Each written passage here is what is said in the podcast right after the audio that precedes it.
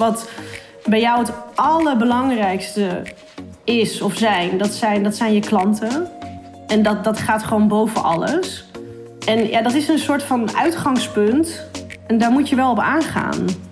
En ik vind dat niet meer dan normaal. Maar dat is wel waar het heel vaak bij andere of plekken of personen waar het misgaat.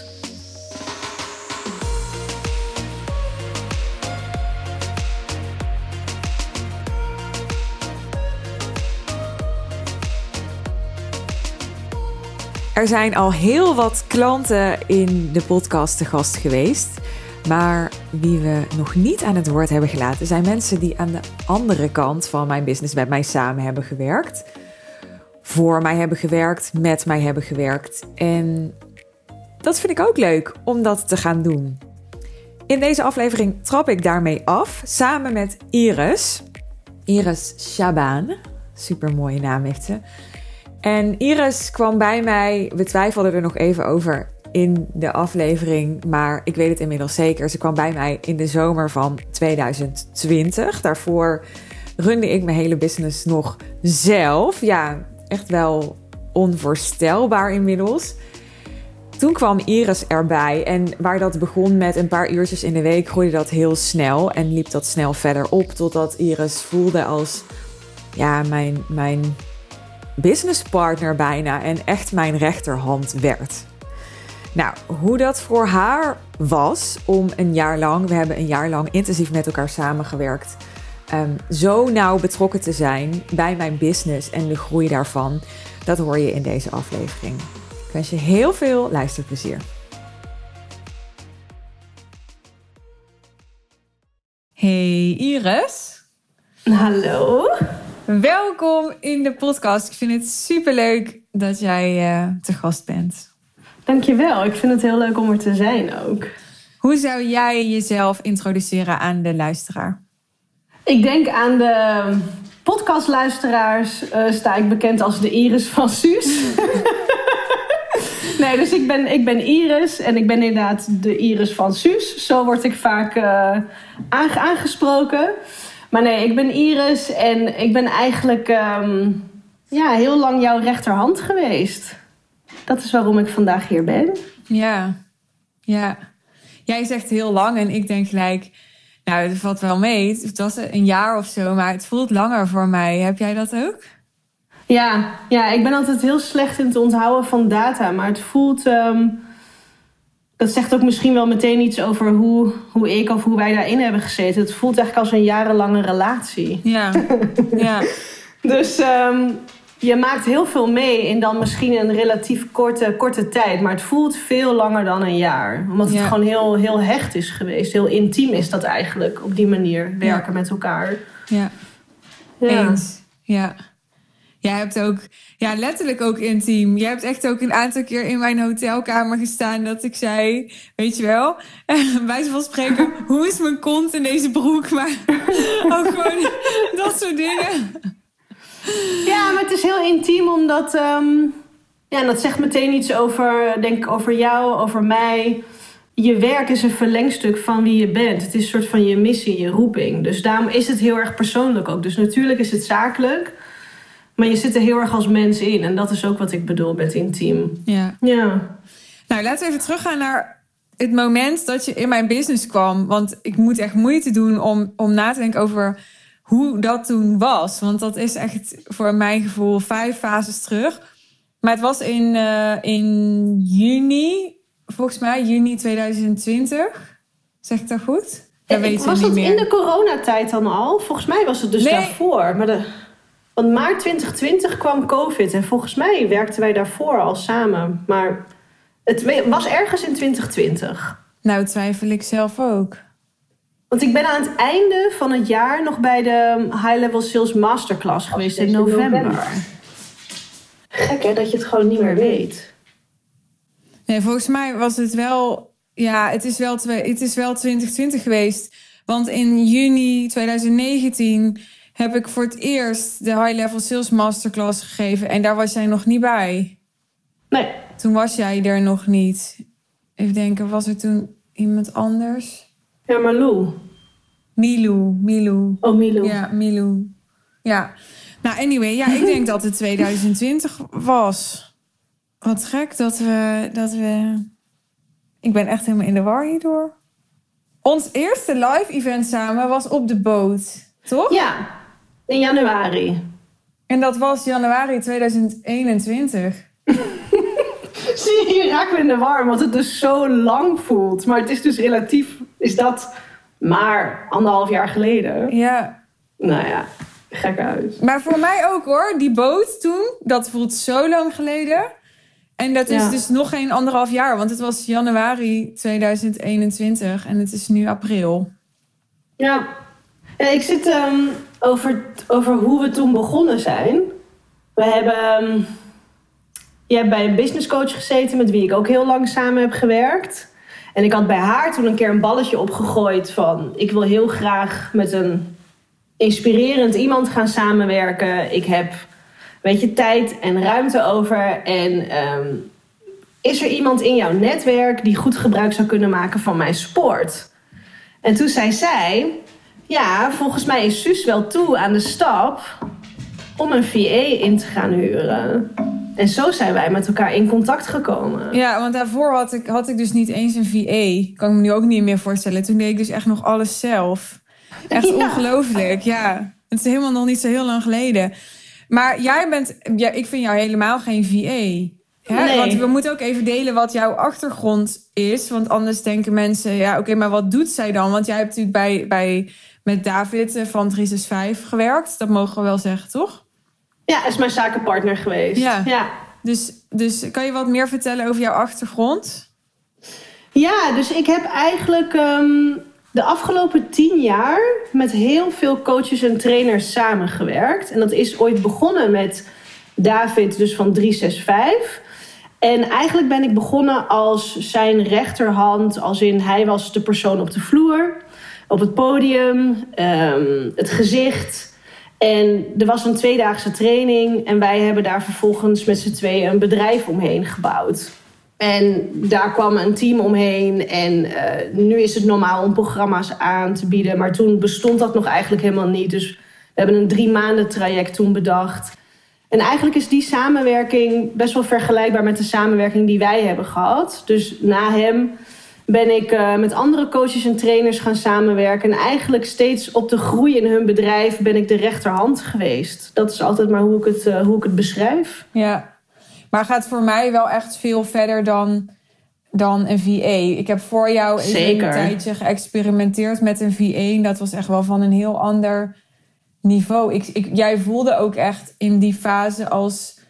Ja, weet je, rechterhand is natuurlijk iets groters dan gewoon iemand bij wie je klusjes over de schutting gooit of zo.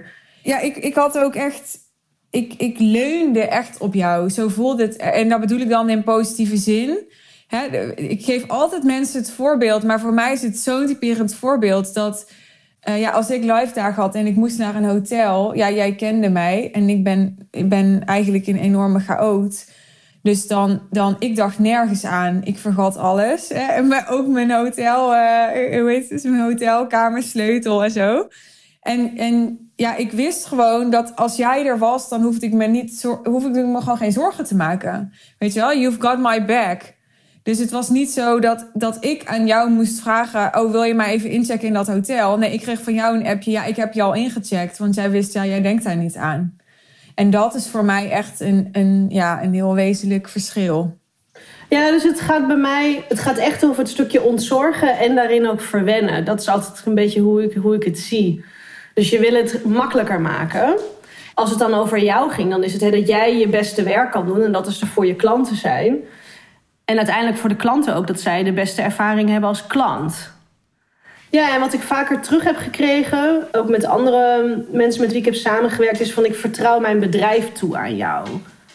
Ja, En dat is wat ik dan eigenlijk bedoel met rechter, met rechterhand. Het is eigenlijk een soort van je kind, je zakelijk kind. Wat je zegt, ik weet dat als ik het nu loslaat of op dit moment loslaat, het is oké. Dus Ja. het gaat over een heel, een heel diep, diep vertrouwen wat je eigenlijk hebt samen. ja. En Ja. ik vind jou goed in een aantal dingen. Ja, heel goed eigenlijk, oprecht. Een aantal dingen die ik super belangrijk vind voor mijn bedrijf. Dat is inderdaad dat stuk hospitality. Dus jij hebt het net over verwennen. Maar jij bent echt super goed in mensen eh, zien. Mm. Ik heb echt, ik heb dus een jaar lang met je gewerkt. Je hebt echt, nou ja, tientallen, misschien, ik, I don't know, wel, wel honderden, ik heb geen idee, mensen gesproken, zeg maar, namens mijn bedrijf, potentiële klanten, eh, bestaande klanten, oud-klanten, whatever. En, en er, ik heb nooit iets negatiefs over jou gehoord. Integendeel, het was altijd. Het is zo fijn dat ik Iris heb gesproken. Weet je wel, het is zo fijn dat, dat Iris echt luisterde. Ik voelde me zo op mijn gemak bij haar, echt altijd. Dat heeft mij echt enorm geholpen, dat vertrouwen. Dat ik inderdaad, ja, je hebt het over mijn bedrijf toevertrouwen. Maar ja, mijn bedrijf, dat, dat zijn natuurlijk mijn klanten en mijn potentiële klanten. Dat is mijn bedrijf, weet je wel. Dus, dus dat ik die aan iemand op, op echt ja, op mijn standaard kan toevertrouwen, dat is me heel veel waard. En ja, wat ik ook uitzonderlijk aan jou vind, is dat jij echt gevoel hebt voor esthetiek. Hè? Jij zegt altijd van ja, ik hou heel erg van schoonheid, van mooie dingen. En ik ook. Maar ik vond jou daar altijd nog, ja, hoe moet ik het zeggen, fijngevoeliger in dan ikzelf. Dus ik kan me nog herinneren dat we op die boot waren en dat ik op een gegeven moment, ik weet niet of jij het nog weet, maar dat ik op een gegeven moment laarzen aan had en dat ik zei, zal ik deze aanhouden, zal ik andere aandoen? En als jij dan zei, nee, je moet die andere aandoen, ja, dan dacht ik er ook echt geen seconde meer over na. Ik had gewoon blind vertrouwen altijd in dat soort dingen. Ja. Ja, en esthetiek. ehm, ik weet, eh, er, is, er is een uitdrukking wat zegt hè, dat je oog rust als het klopt. En dat gaat natuurlijk veel verder dan alleen maar over laarzen. Maar dat gaat ook in een gesprek of iets klopt. Of een locatie dat iets klopt. En dat valt voor mij allemaal onder het stukje schoonheid. En ehm, het kloppend maken, dat is gewoon... eh, ja, ik vind dat heel leuk om te doen. En, en heel belangrijk. Ja. Maar dank voor alle mooie woorden. Ja, nou ja, ik merkte het, want jij was ook bij mijn laatste event hè, in Rotterdam. Kwam je weer Mhm. helpen, vond ik superleuk. En, en ik was echt, nou ja, je weet het. Ik was echt een beetje soort van in paniek de dag ervoor. Want ik dacht, ik was daar nog niet geweest op die locatie. En ik, ik kwam daar binnen. Ik dacht, oh god, dit wordt helemaal niks. En toen heb ik jou ook echt opgebeld. Zo van, Iris, wanneer ben je hier? Want ik wist gewoon, als jij hier bent... dan gaat gewoon, weet je wel, mijn zenuwstelsel weer kalmeren. Omdat ik gewoon wist... Iris gaat me niet laten staan op een podium in een plek wat gewoon niet klopt. Weet je, ik wist gewoon, Iris gaat linksom of rechtsom. Jij kan niet toveren. Maar ik wist gewoon, jij gaat dat waarborgen. Je gaat iets verzinnen. Jij gaat iets doen. Je gaat, ja, ja, dat heb ik echt lang niet bij iedereen. Dus dat, dat ja, dat, eh, dat, ik denk dat jij dat onderschat. Hmm. Ja, misschien. Bij alles wat je zegt denk ik, oh ja, dat klopt. Oh ja, Dat klopt, zo, eh. Ja, ja. Ja. Nou, misschien niet dan. Ja, ja, nee, fijn. Fijn om te horen. Ja, het is dan weer zo'n cliché, zo'n... ehm, Maar ik vind het oprecht heel fijn om, als ik dus in dit geval met jou, om jou heel blij te maken. En daar word ik dus gelukkig van. Dus ehm, Maar ik ben dan wel een ondankbare, hè? even eerlijk. Ik ben, wel, ik ben niet heel makkelijk blij te maken, denk ik altijd. Of is dat maar mijn verhaal? Nou, eh, misschien deels jouw verhaal. Ik, er zijn ook eh, mensen die dat wel uitgesproken hebben. ik, heb, ja, ik, ik vind het niet zo heel erg ingewikkeld om met jou te werken. Of om je blij te maken. Maar ik denk omdat we elkaar kunnen vinden in wat anderen een hoge standaard noemen. Als het gaat over het stukje, ja, misschien is het een doorvertaling van est- esthetiek. Ik vind het gaat over service. Wat bij jou het allerbelangrijkste is of zijn, dat zijn, dat zijn je klanten. En dat, dat gaat gewoon boven alles. En ja, dat is een soort van uitgangspunt. En daar moet je wel op aangaan. En ik vind dat niet meer dan normaal. Maar dat is wel waar het heel vaak bij andere of plekken of personen waar het misgaat. Dus nee, ik vind het niet. ehm, ik vind je niet een ondankbare. Nee, helemaal niet. Fijn, oké. Oké. Wat vind je wel, denk nu- we toch bij dit onderwerp zijn, wat vind je wel ingewikkeld aan mij? Want er moet even iets in wat schuurt. Anders dan is het niet geloofwaardig. Ik vond het tempo ingewikkeld. Oh ja, dat weet ik, ja. Dus ik ben. Ik, ehm, Terwijl ik dacht, we zijn nog helemaal niet eens begonnen. nee, dus ik denk, ik denk, ehm, ja, dus ik zit ook na te denken terwijl ik dit nu zeg, maar ik merkte wat ik lastig vond was het tempo. Dus alles was een moment om het beter te maken, om het te veranderen, om een niveau hoger te gaan. Dus dat kon zich dan wel eens vertalen in dat. ehm, ik weet dus het voorbeeld wat nu te binnen schiet is van... oh, weet je wel, yes, ik heb de eerste sales helemaal zelfstandig gesloten. En dan was ik nog helemaal in het vier moment. En dan was er letterlijk een uur later alweer een nieuw target. en dat ik dacht, huh? Dus waar ik bijvoorbeeld dan dacht... hé, hey, ik ga nog even 24 uur vieren... was letterlijk een uur later was de standaard alweer verhoogd. En dat is volgens mij niet per se iets slechts, maar ik, ik had daar moeite mee met het constante schakelen naar weer, ja, ik denk toch een niveau hoger of een verandering. Grappig. Is ik kan, me, ik kan me dit echt helemaal niet herinneren. Maar ik. ehm, ja, wat ik, me, wat ik me vooral herinner. Ik hoop dat je het oké vindt dat ik dat zeg. Is dat. Als ik, op, als ik terugkijk op onze samenwerking. dan had ik het gevoel dat het uiteindelijk stuk ging op. Nou, op meerdere dingen. Ja, stuk, dat klinkt zo negatief. Maar in ieder geval dat het stopte om grenzen. Ja, Klopt dat? klopt. Ja. Kan jij eens in jouw woorden vertellen wat, wat daar dan in schuurde tussen ons? Dat. Ik denk dat die snelheid daar ook wel bij hoorde. Jij zei altijd van hè, nee is ook een antwoord. Dus eh, in die zin, we waren met z'n tweeën met nog hè, wel een aantal andere partijen die betrokken waren. Maar je moet het gewoon doen met, met elkaar. En daarin is het heel belangrijk dat je eh, ook zegt van oké, ik heb nu deze tien dingen liggen. En ik merk dat ik wilde ze alle tien doen. Alleen dat ik dacht, ja, maar ik weet niet hoe en ik weet niet wanneer. En ik kreeg daar stress, stress van. En ehm, hoe zeg je dat? Het was heel erg de sky is the limit. En ik had denk ik gewoon iets meer limits nodig. dus ehm, omdat het zo snel ging voor mij, met alle veranderingen, verbeteringen, maar ook in aantal klanten, wat natuurlijk, hè, de groei zat er al best wel goed in toen op dat moment, vond ik het best wel uitdagend om daarin dingen af te, af te bakenen. Snap je wat ik dan bedoel? Dus jij had het gevoel dat je over je grenzen heen ging. Ja. Ja. Vanuit dus het persoonlijkheidstype wat ik ben, wat het heel fijn vindt om een ander blij te maken. Wat best wel houdt van afgebakende taken of projecten. En dan zit je in een heel jong bedrijf wat super hard groeit. Waar nog niet een heel team staat. Dus dan is het gewoon, dan kan je wel afspreken dat, dat je dit doet. Maar als de dagelijkse werkelijkheid nu vraagt dat je dat gaat doen, dan moet je dat doen. Dus je moet ook die flexibiliteit hebben om daarin eigenlijk steeds te kunnen switchen. Ja, En dat paste niet helemaal bij mij. ik heb, als ik er nu op terugkijk, dan heb ik echt, denk ik, onderschat hoe moeilijk het soms voor jou was. En dat heb ik geleerd nadat jij er niet meer was. Hmm. Omdat er toen mensen kwamen die vonden het nog veel moeilijker dan jij. En toen dacht ik. Ja, dat klinkt heel suf, weet je wel. Maar als, je, als het één keer fout gaat, dan kan je nog denken: oh, er ligt vast aan die ander. Niet dat, je, dat er iets mis is met jou, maar meer zo van: dan is de match niet goed of weet ik veel wat. Maar toen, ik, toen er daarna jou een aantal mensen kwamen die, waar- waarvan ik dacht: nou, dit gaat beter. Maar het ging niet beter, het ging slechter. Toen dacht ik: oké, dus er is blijkbaar ook gewoon best wel ja, daarnaast me gewoon wel vaak verweten dat de werkdruk hoog was. Terwijl, ja, ik heb ook echt, ik vind het een beetje raar om dat over mezelf te zeggen, maar ik heb dus ook echt moeten leren dat ik wist niet dat mijn tempo heel hoog lag. Ik heb dat echt daarna van mensen moeten horen.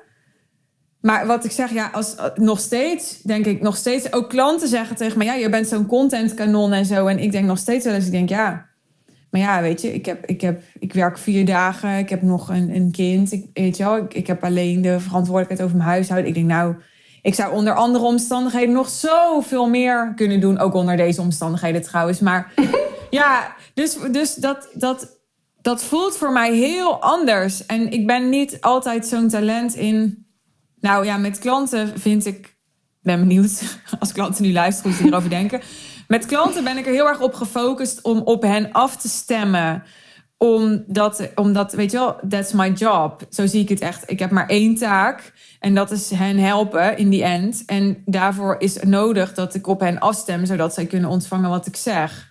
Maar met andere mensen met wie ik samenwerk en zo. En, en daar ga ik soms denk ik wel te kort door de bocht. Ja, en ik, ik denk. Dat grappige is nu nog steeds, nu, nu ook inderdaad hè, er een ander team zit. Het zit ook in een andere fase nu. Maar nog steeds zie ik in alle verschillende mensen die er nu zijn, dat ik denk: oh ja, ik heb eigenlijk al die dingen gedaan. Ja. Dus het waren heel veel verschillende petten. Ja, Dus dat is wel, eh, en dat is gewoon zo gegroeid. Dus ik denk dat we echt wel heel veel gedaan hebben met z'n tweeën. En dat ik ook heel veel gedaan heb. En ik weet nog dat je dat, dat. Ik weet niet of wij dat toen direct hebben zo besproken. Of dat ik dat daarna dacht. Dat ik dacht: oh ja, je bent echt een supergoeie coach. Want dan had ik wel iets of zo. En dan had ik bijvoorbeeld stress. En dan ging je mij eigenlijk coachen op mijn stress. En dat ik, dat ik volgens mij pas later dus door had van... ja, maar ik heb nu even behoefte aan een leider. ja, Gewoon iemand hè, die zegt van oké, jij werkt met mij of voor mij of in mijn team en ik zie dat je struggelt. En wat heb je nu nodig om gewoon je werk lekker te kunnen doen? ja. En ik denk dat, dat, dat, dat daar. ehm, Dat heb ik Dat wel, daar- vind ik, heel erg geleerd nadat jij weg was. Want dat heb je ook gezegd tegen mij. En dat heb ik echt heel erg ontwikkeld. Ik voelde me toen ook in die zin nog niet zo'n leider. Als in van, ik zag jou gewoon als mijn business buddy, bij wijze van spreken. En we deden het gewoon Ja. samen. En daarna begon ik wel veel meer te zien van... Oké, maar ja, dat kan allemaal wel zo voelen. Maar in die end werken mensen voor mij. En kijken ze mij aan. En ben ik eindverantwoordelijk. En weet je wel, ik moet gewoon wel dat leiderschap pakken. Maar ja, dat is ook iets waar, waar ik gewoon in moest groeien. Ja. zeker. En ik weet nog dat toen wij. We hadden op een gegeven moment eh, een derde persoon erbij. En toen, hadden we, toen gingen we voor het eerst teammeetings doen. En ik weet nog zo goed dat ik fleurde helemaal op en jij stierf. Weet je, echt zo.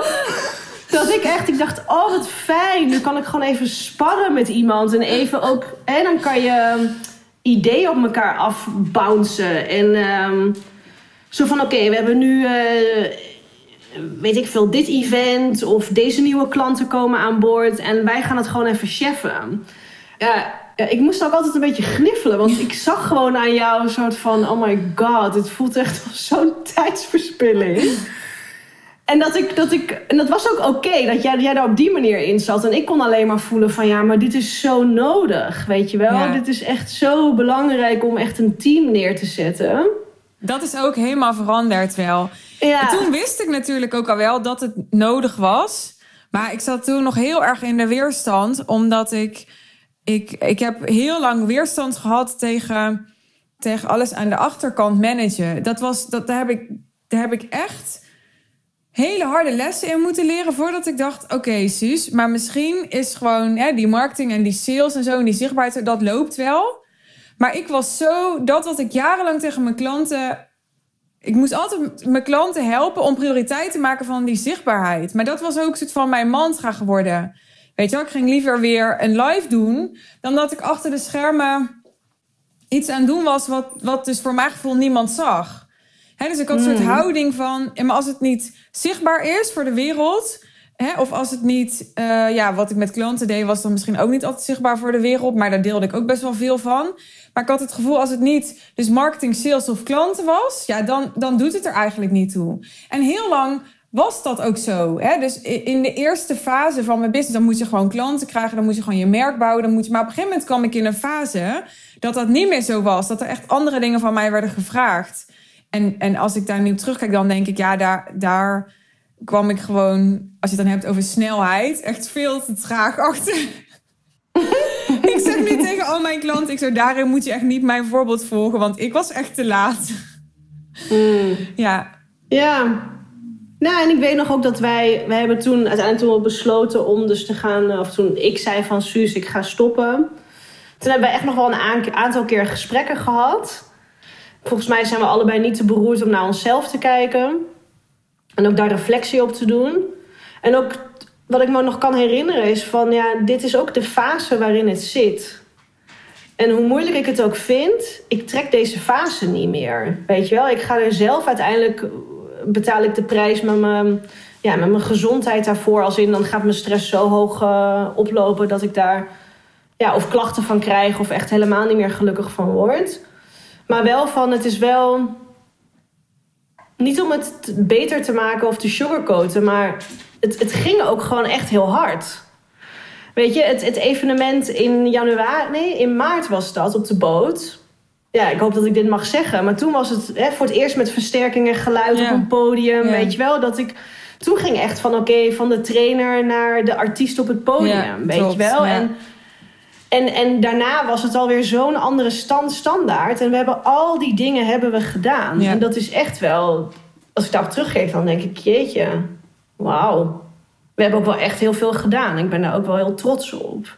Ja. Ja, inderdaad. Die boot, dat is, dat is dus een jaar geleden nu. Dat was maart 2021. En als ik daar nu op terugkijk, dan denk ik... ja, dat ben ik al niet eens meer. Dat was, dat was echt nog een andere versie van mezelf of zo. Zo voelt het echt. Ja. En dat is dus eigenlijk, als je het in de tijd zou willen zetten, zou je zeggen dat is vijf jaar geleden geweest. Ja, precies. Ja, Maar dat is dus nog maar een jaar. ja. Weet je dat we echt visuals hadden en bewegend videobeeld en dat je aankwam, weet je, en dat dan echt als bij, een, bij, de, bij de Ziggo Dome heb je dat ook, dat je ja een grote video ja we hadden zo'n ledbal. Ja, we hadden zo'n ledbal. Ja. Ja. En, ehm, Ja. Maar daarvoor was het gewoon, wat ook niet slecht is, maar daarvoor was het een training op een mooie locatie in een zaal. Klopt.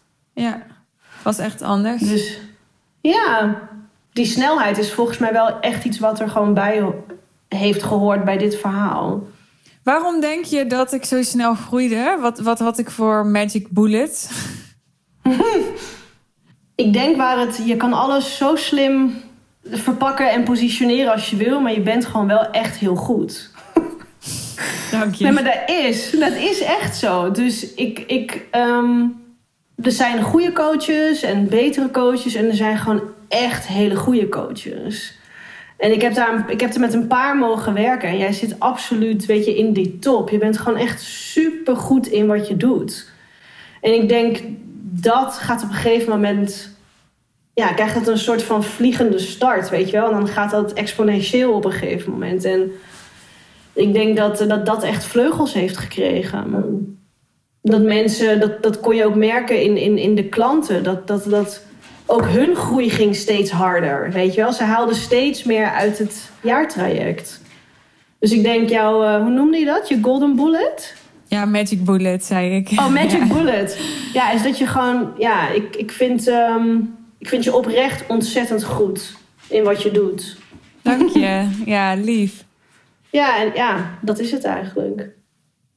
Ja, ik heb dat ook wel gevoeld in die tijd. En ja, ik ben daar mega dankbaar voor, voor hoe ik me daarin gedragen heb gevoeld. Want ik had het toen, toen jij er was, al niet meer alleen gekund. Nu zeker niet. Dus ik voel wel steeds meer, heeft ook tijd gekost hoor. Maar ik voel wel steeds meer die, die nederigheid ook. Ook omdat ik natuurlijk afgelopen jaar best wel wat teamwissels heb gehad. En daar echt heel veel pijn van heb gehad. Dat weet jij, want we hebben altijd contact gehouden. Dus dat heeft enorm veel tijd, geld en energie gekost. Daar lijk ik nu gelukkig zo'n beetje doorheen. Maar ja, ik geloof altijd, hè, problems don't happen to us, they happen for us. Voor mij was het gewoon nodig om, om veel meer de waarde van een team wat jou echt draagt op, op waarde te kunnen schatten. En nog steeds, ehm, nog steeds, bijvoorbeeld nu zit ze net in mijn team en vanochtend waren we even aan het appen en net challenge mij er nog steeds op. Ik had vanochtend in Slack, waarin wij intern communiceren, iets gezet over goodwill creëren. En, eh, en, en dan heb ik het over extern goodwill creëren. En dan stuurt ze net zo aan mij: Moet je ook niet intern goodwill creëren? dus ik maakte zo'n grapje. Ik zei: Nee, ik compenseer het externe met het interne. Maar dat is natuurlijk onzin. Maar nog steeds, ja, nee, ik vind het alleen maar fijn dat ze net me daarop challenge. Nog steeds moet ik daar, ja, moet ik daarop letten. Maar het gaat, eh, het gaat echt veel beter. Ik doe nu zelfs dagelijks meetings hè, met mijn team. Kort wel, maar eh, Nee, en ik weet dat wij in het begin of zo, dan, dan heb ik wel eens tegen jou gezegd van. eh, iedereen is daar anders in, hè? Maar ik ben bijvoorbeeld heel erg een persoon. Als je tegen mij zegt: Oh, ik ben echt zo blij, weet je, of dank je wel. Dan is mijn dag is alweer gemaakt. Of dan ga ik nou, niet per se harder lopen, maar dan blijf ik lopen of zo. Dus ik doe het heel goed op soort van positieve feedback. En dan word ik wel altijd heel... Ja, ik vond het dan bijna cute. Dan zei, belde je me op of weet je wel. Oh, ik ben echt heel blij met je. en dan dacht ik, oh ja, zus doet nu echt heel erg haar best, Ja. weet je. en, en, nou, en misschien ga ik nu al te snel in het gesprek. Maar wat ik echt wel nog even over de Magic Bullet... Wat ik ook wel echt een Magic Bullet vind, is... ehm, is soort van niks persoonlijk nemen en alles aangrijpen als een kans om het ja, beter te doen. En beter, niet dat het altijd maar groter en, en heftiger moet, maar gewoon van hé, hey, weet je wel, we merken nu dat een paar klanten dit zeggen. Dus alles is altijd ten dienste van. Ja. En daarin heb ik gewoon als, als, als mens, maar ook als professional, heb ik echt wel heel veel geleerd. En ik denk dat dat een van de magic bullets is ook van. Hey, je bent er om, in die zin sta je ten dienste van je klanten. Dus je draagt je visie uit en je product, en, en, maar je bent er ten dienste van hun. En, en, en dat vind ik ook, dat is ook niet bij elk bedrijf zo. Nee, ik vind het wel mooi dat je dat zegt. Want ik kan me voorstellen dat mensen bij mij of bij een, een type bedrijf als dat van mij heel erg kunnen denken dat het heel erg buitenkant is. Omdat ik dus zo zichtbaar ben. En omdat er dus heel erg. Ja, omdat ik natuurlijk heel veel marketing doe en zo. Maar ik zei laatst een keer tegen iemand van ja, ik, ik ga echt wel voor mijn klanten door het vuur. Zo voelt het voor mij. En ik ben ook niet perfect. En ik. Nee, ik denk waar. ehm, wat ik zelf wel eerder deed, of in het verleden of bij andere bedrijven heb gezien, is dat je. ehm, dan gaat het meer over. We moeten het goed doen. En ik weet nog, als wij een verandering doorvoerden, of we hadden iets bedacht, of een upgrade, of gewoon een verandering in, in hoe het jaartraject voor de klant was dan was het ook altijd in de e-mails die we uitstuurden of in de telefoongesprekken die we voerden van. Ja, en dit is waarom we het doen. Dit is de reden waarom. En dat is volgens mij ook wel een van de magic bullets. Dus overal zit iets achter. Het is niet zomaar. ehm, ik noem maar wat. eh, het is nu heel druk en eh, de, groei, eh, de groei is eruit. Dus we gaan het anders inplannen of zo. Maar het is van: oké, wat is hier het beste in voor de klant? En dat daar nog andere dingen ook in meebewegen en, en belangrijk zijn, ook prima. Maar ehm, Maar ik realiseer me dat ik daarin ook wel een ander beeld heb gecreëerd. Want de laatste anderhalf jaar doe ik dat minder. Maar in de eerste jaren van mijn business ging het heel erg over... ja, met jouw business je ideale leven faciliteren. Hè? En, dus, en toen kreeg ik ook wel eens DM's van mensen die zeiden van... jeetje, maar gaat het dan alleen maar over jouw ideale leven... En nee, daar ging het vanaf het begin al niet alleen maar om. Alleen het is een, het is een wisselwerking. Het is en-en. Het is ook dat als jij helemaal tot je recht komt en als jij jouw ideale leven kan leven, dan, dan kun je ook het meest van waarde zijn voor de klant. En omgekeerd, als jij het meest van waarde kunt zijn voor de klant en je komt echt bij je klant tot je recht, ga jij zelf het meest vervulling ervaren en zelf ook meeste vrijheid ervaren. Omdat als je, ik ga daar niet de hele sales pitch van maken, maar als je echt klanten hebt bij wie je echt tot je recht komt en je leert dus ook het geld daarnaar te vragen, heb je er niet zoveel nodig, of net zoveel als je zelf wil. En dan hoef je dus ook minder hard te werken. Dus het is, het, het is echt één kringetje wat, wat, wat, wat mij betreft ja, doorvloeit in elkaar. hmm, ja, mee eens. Ja, Wat was voor jou het hoogtepunt van onze samenwerking? dat is ook waarvan je de foto's hebt gepost eh, net voordat we deze opname zijn gestart. Dat was een eh, tweedaagse van het jaartraject. Dat we in Brabant zaten. Dat was echt, ehm, dat was gewoon magie. Ja, dat vond ik. ehm, als het dan even gaat over onze samenwerking, weet je wel, daar waren we zo op elkaar ingespeeld dat je gewoon eigenlijk niet eens met elkaar in gesprek hoefde, maar dat je gewoon naadloos waar de ander stopt, pakte Ja. ik of jij het over van elkaar. En we konden daarin volgens mij allebei echt ons beste werk doen. Ja, En dat was echt heel gaaf. ja, En toen wij als, als, als twee individuen, als team, hadden toen ook, ook voor het eerst een locatie die ons helemaal supportte. Waardoor we allebei weer tot een andere hoogte konden, konden komen. Waardoor we allebei veel minder met randzaken bezig, bezig waren. Dus ik kon me echt richten op het, ja, ik noem het maar het nurturen van jou, maar ook het nurturen van de groep. Ja. En omdat ik jou goed kon nurturen, kon jij weer nog beter voor de groep zorgen en Ja. voor je klanten. Ja. Ja, ik weet dat ik echt dacht, wauw, dit is echt zo fijn. Ja, die vond ik echt heel, eh, heel bijzonder. Ja. Ja. Wat was voor jou het hoogtepunt? Ja, ook. Ja. maar ik moet zeggen dat die tweedaagse... Ja, oprecht, het klinkt al heel cheesy... maar oprecht is, is elk event voor mij een hoogtepunt geweest. Omdat er was elke keer... Elk event wat ik deed was op een bepaalde manier weer een soort next level... waarin ik echt ook weer een nieuwe versie van mezelf aanboorde. Dus er zat altijd een soort overwinning op. Dus dat zijn stuk voor stuk hoogtepunten voor mij geweest. Maar ik heb ook wel hele, ja, hele bijzondere herinneringen aan die keer, omdat het klopte heel erg allemaal. Tot en met het weer. Want het was wel heel heet. Het was echt 35 graden of zo. Maar ik had het gevoel door het weer en dat we zo buiten waren. En doordat de hospitality zo goed was, dat we echt ook s'avonds toen we gingen eten, weet je wel, in een of ander super mooi restaurant in Zuid-Frankrijk zaten. En alles werkte heel erg mee. En ik heb wel events gehad waarbij dat echt wel anders was. Hè?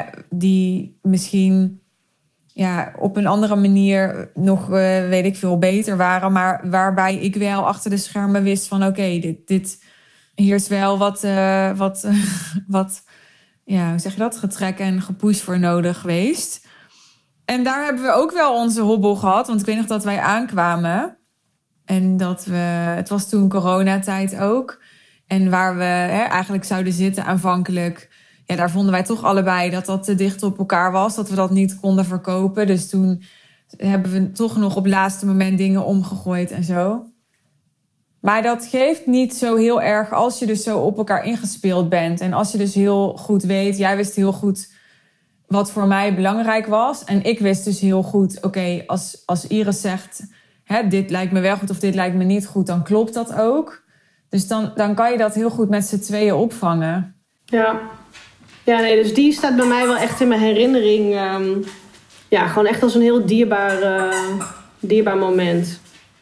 Ik weet dus niet of elke ondernemer of misschien iedereen hè, die klant is of zij door dezelfde fases gaan. Dat, dat weet jij misschien beter. Maar je gaat gewoon op een gegeven moment de stap maken van één of twee naar echt een team. En dat is, dat is echt een, een groeifase. En, en wat ik heb gezien is dat ook al wil je dat heel erg kaderen, het, het kan gewoon niet altijd. Ik weet niet hoe jij daar tegenaan kijkt. Ja, je bedoelt dat, dat omdat het een, een eh, klein team is, dat je dus soms bij wijze van spreken ook gewoon de toiletten moet schoonmaken, omdat er niet iemand is specifiek voor de toiletten. Bedoel je dat? Ja, gewoon inderdaad van je hebt het gewoon te doen met elkaar. En dan is het volgens mij in het begin gewoon heel erg uitzoeken, weet je wel. Dan is het van welke structuur past bij ons. Wat is nou het eerste wat je weer uitbesteedt? Misschien zijn het alle fases weer opnieuw waar je eerst in je eentje doorheen bent gegaan.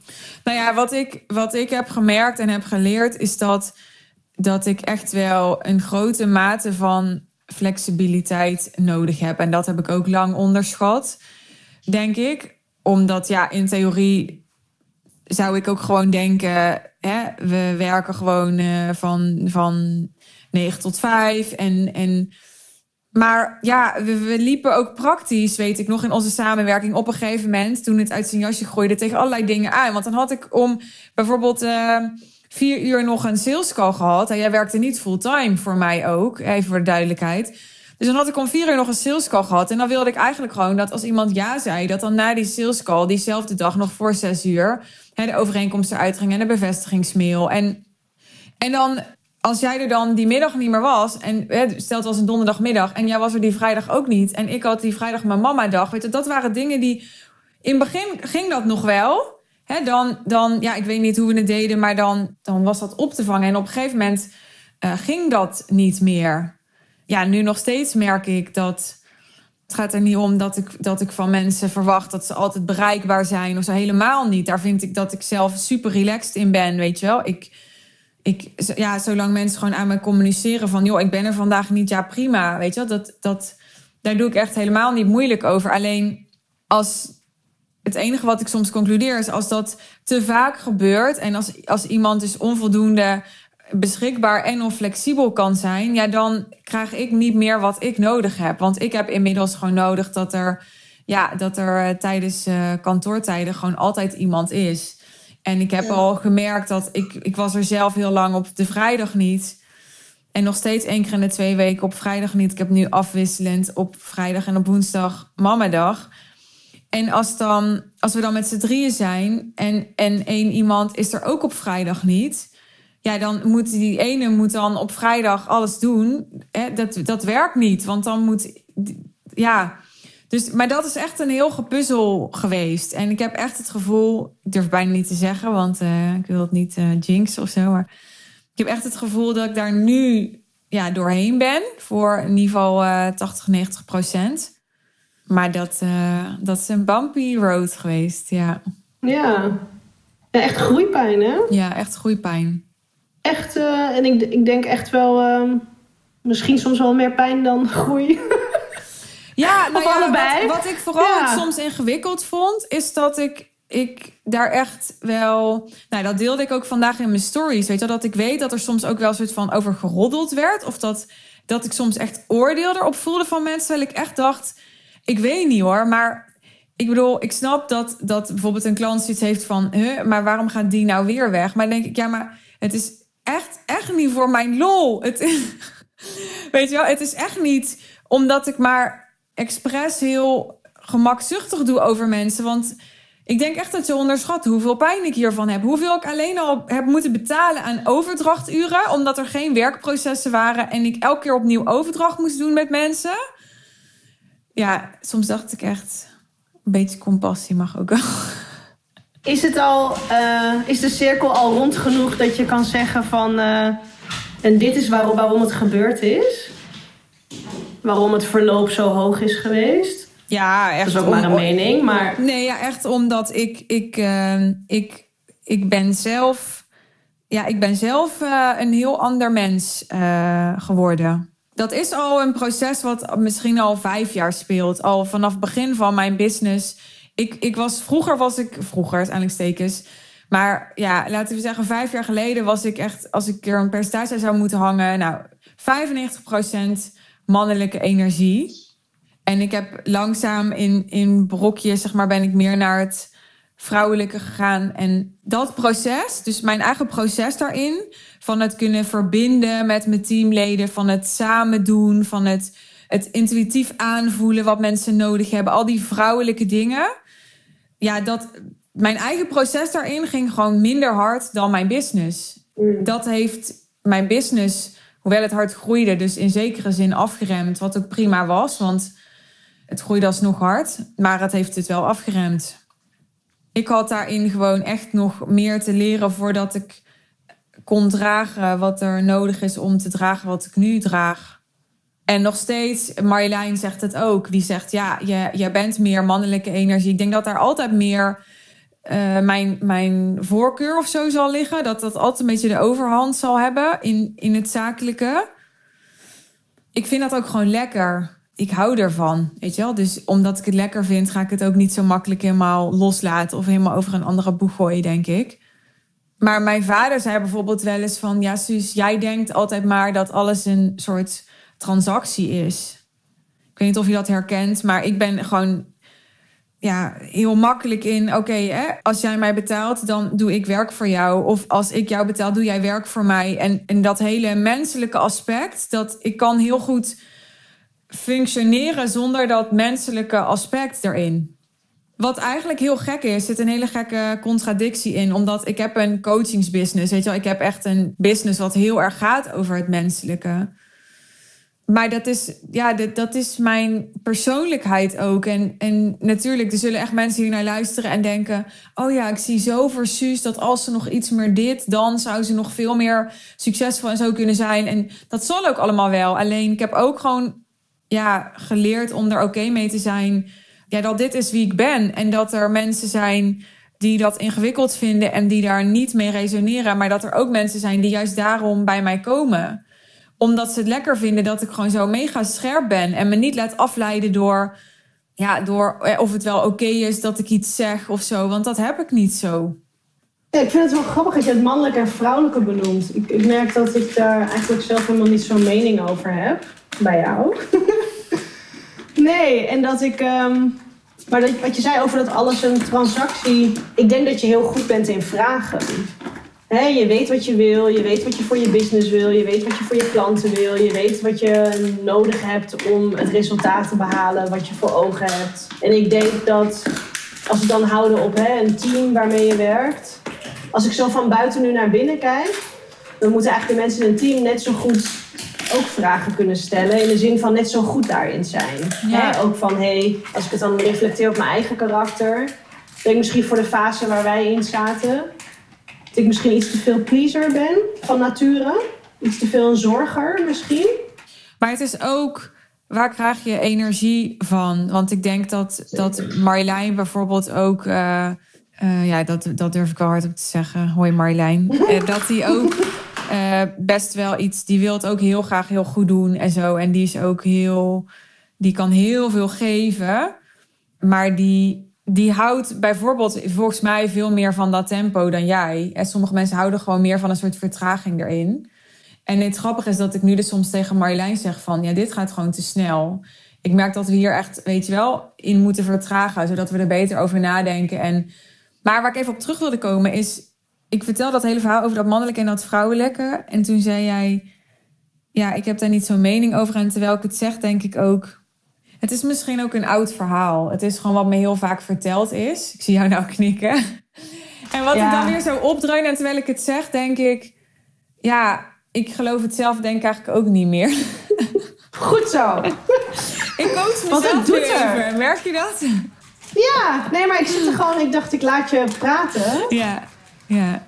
En dat ik denk, ja, it doesn't really matter. Echt niet. Nee. Maar ik vind het heel spot on. En dat vind ik ook zo sterk aan jou. Dat, want jij bent ook, daar hebben we het nog niet over gehad. Maar jij bent ook een hele goede coach. En dat was ook wat ik fantastisch aan jou vond. Dat als wij een tweedaagse deden. Ik zei altijd, ik ben er voor de groep. Dus omdat ik er voor de groep ben, kan ik er op dat moment niet ook voor het individu zijn. En er gebeurde altijd heel veel bij het individu. Dus als iemand bijvoorbeeld emotioneel werd en die had even nodig om één op één aandacht te krijgen, dan ging jij daar naartoe. En ook dan had ik blind vertrouwen in dat als mensen dan terugkwamen, dat ze zich dan helemaal gezien en gehoord en bekrachtigd voelden. En ja, dat, dat valt mij nu in dit gesprek ook weer op. Dat jij ook heel scherp bent in. Je gaat niet zomaar. Ook niet in mijn verhalen mee. Heel veel mensen doen dat wel, in alle eerlijkheid. En daar heb, heb ik ook toen en nog steeds heel veel aan gehad. Want dat, dat heeft mij gewoon ook scherp gehouden. Hmm. Nee, want ik, ik merk wat heel het bij mij boven komt, gaat meer over wat ik bijvoorbeeld geleerd heb als teamlid. Ik weet niet of je wil dat ik daar nog iets over vertel. Ja. Hè, dus op een gegeven moment ehm, was het van ehm, ook een beetje uit noodzaak geboren en ook een heldere keuze van oké, er komen nu aanvragen binnen en ehm, ga in gesprek met, die, met deze leads. En, en ik denk dat ik toen echt in het begin was het heel erg van oh, maar dan ben ik nu misschien wel de poortwachter op of, eh, of er omzet binnenkomt of niet. Weet je wel, dat vond ik echt super eng. En waarin ik dan af heb gekeken van jou, was van ga gewoon het gesprek aan. Ga gewoon het gesprek aan en ja, ga daar onthecht in zitten en luister, stel vragen. En dat is denk ik waar we wel echt een basis hebben gelegd ook weer voor, voor je bedrijf nu. Wij hebben samen die kwalificatieprocedure, aanhalingstekens, bedacht, die ik, die ik nog steeds wel gebruik. Of ja, bedacht, het is niet eens bedacht, maar echt ontwikkeld. Het kwam echt uit de praktijk. Wij hebben dat echt samen gedaan. We hebben echt samen met trial and error gemerkt, oké, hè, dit werkt wel, dit werkt niet. En, ehm, en daar, daar hebben mijn klanten ook echt weer super veel aan gehad. Ja, ik weet nog wel dat ik jou na een gesprek belde. Dat ik dacht, oh my god, ik heb het echt helemaal verprutst. weet je wel? Of, eh, Of eh, ja, dat je heel veel verschillende soorten klanten hebt leren kennen. Hè? Mensen die ehm, eigenlijk al klaar waren om direct een koop te doen. Andere mensen die nog veel meer ehm, de bevestiging vanuit jou wilden hebben. Of weer anderen die nog heel erg zoekend waren. En ja, ik denk dat ik gewoon in die fase heel erg gedaan heb, is gewoon alles wat er was, gewoon gebruikt om het gewoon zo goed mogelijk te doen en om het beter te maken. En ook leads, weet ik nog, ik weet niet of jij dat nog weet, die, die dan, dan heel veel ego hadden en dan uh, een beetje, weet je dat nog? Die dan, uh, dan belde jij ze en dan hadden ze zoiets van, ja, hoezo bel jij mij? Ik ga toch spreken? ja, maar ook dat, natuurlijk heb je gewoon mensen met ego maar ook dat heeft ook weer met verwachtingsmanagement te maken. weet je wel? En met de groei. En met de groei van het bedrijf. En ook weer die verandering van: oké, het is niet meer de one-man show. Ja. En ik denk dat dat op, ehm, op alle fronten is, uh, is geweest. Maar dit ook weer. Hier in, in dit moment merk ook weer heel erg jouw scherpte. Dat ik zeg dan, ja, of mensen heel veel ego hadden. En terwijl ik het zeg, denk ik oh ja, misschien was dat het wel helemaal niet. Misschien was het wel gewoon de, de fase waarin, inderdaad, precies zoals jij zegt, mensen gewoon het niet begrepen. Hè? Dus, dus, dus zoiets hadden van: oké, maar ik heb toch een call met Suus. Hè? Dat is toch wat ik heb geboekt. En wij gingen dan even voor de luisteraar op een gegeven moment jou eerst laten bellen om te checken of het wel zinvol was dat ik dat gesprek ging doen. Hè, want we gingen dat, die sales funnel gingen we optimaliseren. Dus we gingen daarin meer kwalificeren. En dat was inderdaad een heel proces van oké, maar hoe communiceren we dat dan? Eh, bel jij mensen spontaan of plan jij wat in? En wat als mensen een call boeken met mij voor een dag later? Want eigenlijk wil je mensen snel spreken, maar er moet ook genoeg tijd zijn. Nou, we kwamen allerlei praktische vraagstukken tegen waar je nu als luisteraar misschien helemaal niet zo bij stilstaat als je dit hoort, maar dat was wel zo. Maar ja, dit, precies wat er nu in dit gesprek gebeurt, dit deed hij dus ook in mijn business. Dus ik kon dan wel eens zeggen van, ja, en, en, en weet je wel, alsof het dan bijvoorbeeld aan iets externs lag, hè, als aan uh, het ego van een lead. En jij kon dan gewoon zeggen, ja, maar misschien moeten we gewoon even die mail wat anders maken. Of even, en dacht ik, oh ja, oh ja, tuurlijk, ja. Ja, want wij zijn, dat is wat ik mijn klanten ook leer. Wij zijn altijd verantwoordelijk voor wat er gebeurt. Weet je wel? Dus als wij iets terugkrijgen, iets gespiegeld krijgen, dan ligt dat natuurlijk niet aan de ander in de basis. Het ligt aan, ja, aan wat wij manifesteren. Nou ja, zo werkt het gewoon.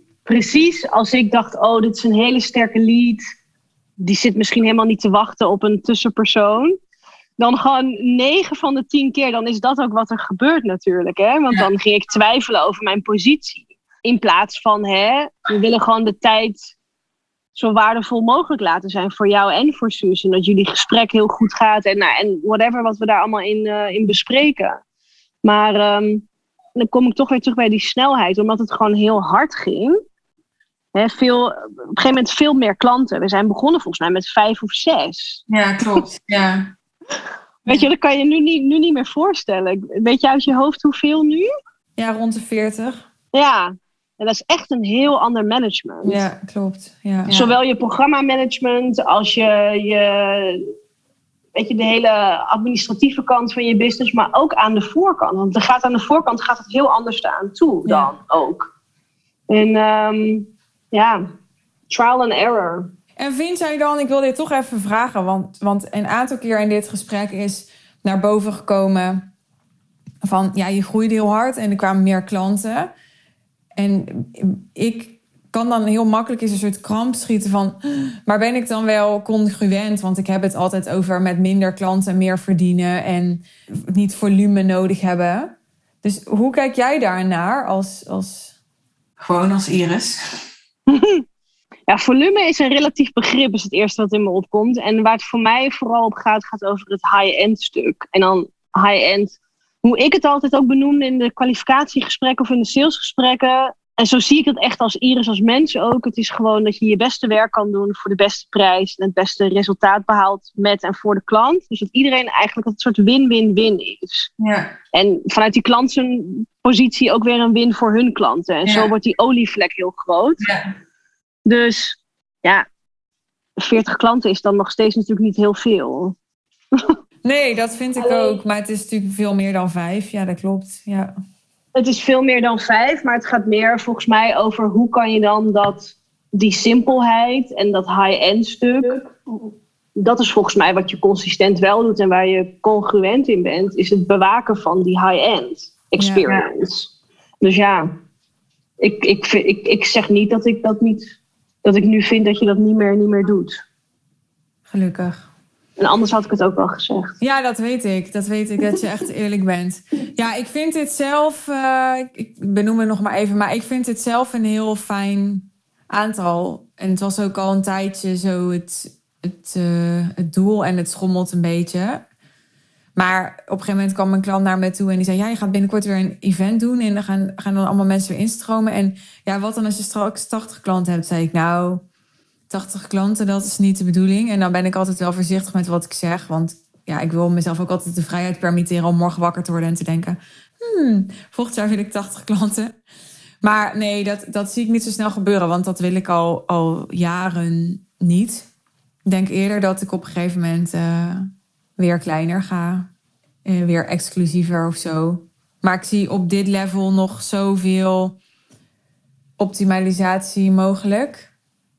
Dus ik hoop, eh, ik hoop dat ik een tijdje zo op dit klantenaantal kan blijven. En dan echt flink wat we doen voor die klanten verder optimaliseren. Daar heb ik nog zoveel ideeën over. Ja, en ik denk ook ehm, wat je zei van hè, nog een beetje voorzichtig.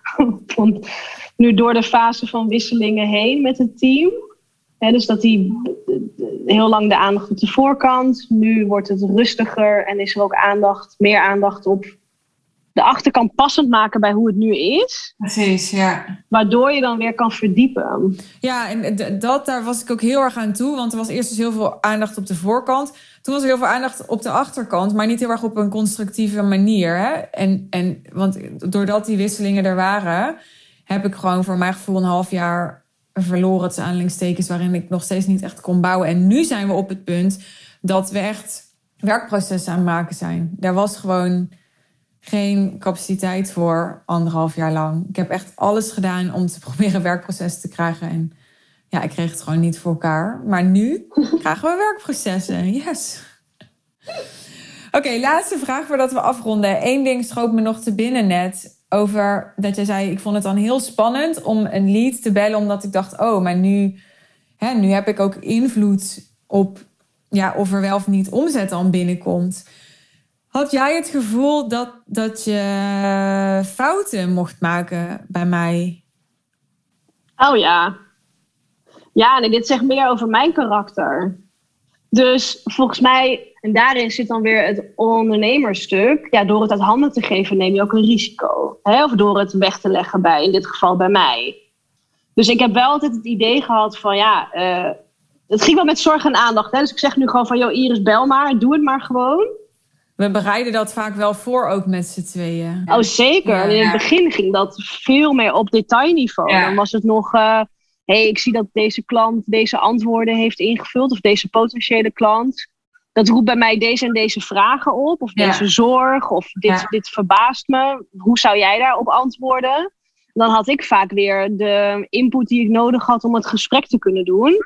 En naarmate je daar gewoon eh, meer van doet en ook meer ervaring opbouwt, deden we dat minder in, in detail. Maar nee, ik, in het begin vond ik dat wel heel spannend, omdat je gewoon weet, dit kan zich meteen doorvertalen naar een ja of een nee. Dus Ja. dat, eh, daar kon ik wel eens nerveus van zijn. Maar ook dat was iets. Dat, dat gingen, na jou gingen anderen dat doen. Hè? Met, met alle respect voor, voor iedereen. Toen realiseerde ik me pas eh, hoe goed jij daarin bent.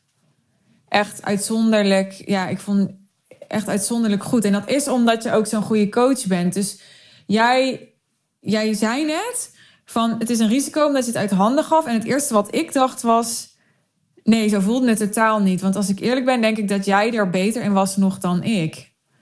Omdat, ja, nee, dat denk ik echt. Want jij, jij, had zo'n, jij hebt zo'n gave om ik ben iets rationeler, dus ik denk dat ik iets eerder geneigd zou zijn om mee te gaan in wat iemand zegt. Maar jij schreef dan voor mij gespreksverslagen en dan, dan je schreef heel veel dingen op die je tussen de regels door oppikte. En dat kan ik ook wel, maar dat kan jij ook heel goed. En, en dat zegt, is mijn ervaring, nog veel meer over hoe verkocht iemand is. Hè? Maar ook um, ja, hoe daadkrachtig iemand is. Hè? Dus in potentie hoe goed iemand het gaat doen in het traject. En daar had jij heel veel gevoel voor. dus uh, het ging niet alleen over achterhalen, oké, hoe groot is de kans dat, dat we deze klant binnenhalen. Maar jij had ook echt heel veel gevoel bij, gaat dit een goede klant voor ons zijn? Gaat dit passen? Weet je wel? Gaat dit iemand zijn die gaat vliegen bij ons? Gaat het, of gaat het iemand zijn die gaat verlammen of zo? En uh, ja, dat vond ik heel fijn. Ja. ja, en dan zeggen mensen wel eens wat deed je nou met Suus? Weet je wel, of wat, wat, wat, wat doe je dan? En dat, dat blijf ik dan lastig vinden om in woorden te vangen. Hè? Want het is echt een wisselwerking volgens mij tussen twee mensen. Het is ehm, volgens mij de eagerness van twee kanten. Dat je het graag goed wil hebben en goed wil doen. En dat valt voor mij ook onder high-end, om het maar even zo, zo te zeggen. En ik weet nog dat toen ik besloot van ik ga stoppen, dat je dan ook nog wel vaak kon ik dan denken van maar waarom dan eigenlijk? waarom, als het zo goed, als je bent zo goed op elkaar ingespeeld en je haalt er zoveel, want ik haalde heel veel voldoening uit die gesprekken. Ik vond het onwijs leuk om te doen. Maar het maakt dan toch dat het bijvoorbeeld ergens stressvol was of dat je voelt dat je over je grens gaat, et cetera. En, uh, daar heb ik nog wel heel veel over nagedacht. Ik weet niet of jij dat nog hebt gedaan, maar ik wel. Nee, ik dacht altijd, oké, ik moet even deze fase door en dan komt ze wel terug. no, no pressure, nee. Ik voel ook geen pressure, maar dat is ook nu als mensen nu vragen van, goh, want ik zei altijd in potentie was het echt een, een droomjob voor mij. Want ik kon al mijn talenten kon ik gebruiken. Alleen de omstandigheden waren voor mij niet, niet, niet geschikt meer. Nee. Ja, dus wie weet. Ja, ja. oké. Okay. Dankjewel Iris. Dankjewel Suus. Thanks.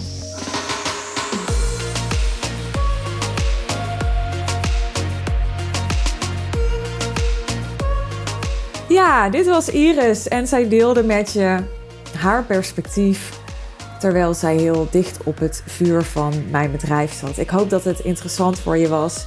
Uh, zeker als je Iris al kende, hè, als de Iris van Suus, maar ook als je Iris misschien nog niet kende en gewoon nieuwsgierig was naar hoe het is om uh, nauw met mij samen te werken als teamlid. Dankjewel voor het luisteren, dankjewel voor je aandacht. En um, heeft het je geïnspireerd om met ons in gesprek te gaan, op wat voor manier dan ook? En hoe ik jou als business coach, business mentor en stratege kan begeleiden bij jouw business? Ben je benieuwd welke mogelijkheden ik voor je zie? Ga even naar de show notes, daar vind je de sales page over mijn business traject, de Real Deal, die uh, ook weer in deze aflevering ter sprake kwam. Je kunt daar je call met ons boeken en uh, je spreekt dan binnenkort met ons om het te hebben over um, zo simpel en winstgevend mogelijk doorgroeien naar een miljoen omzet of meer per jaar. Is dat interessant voor je? Boek je call, we spreken je graag. Tot de volgende aflevering. Bye bye!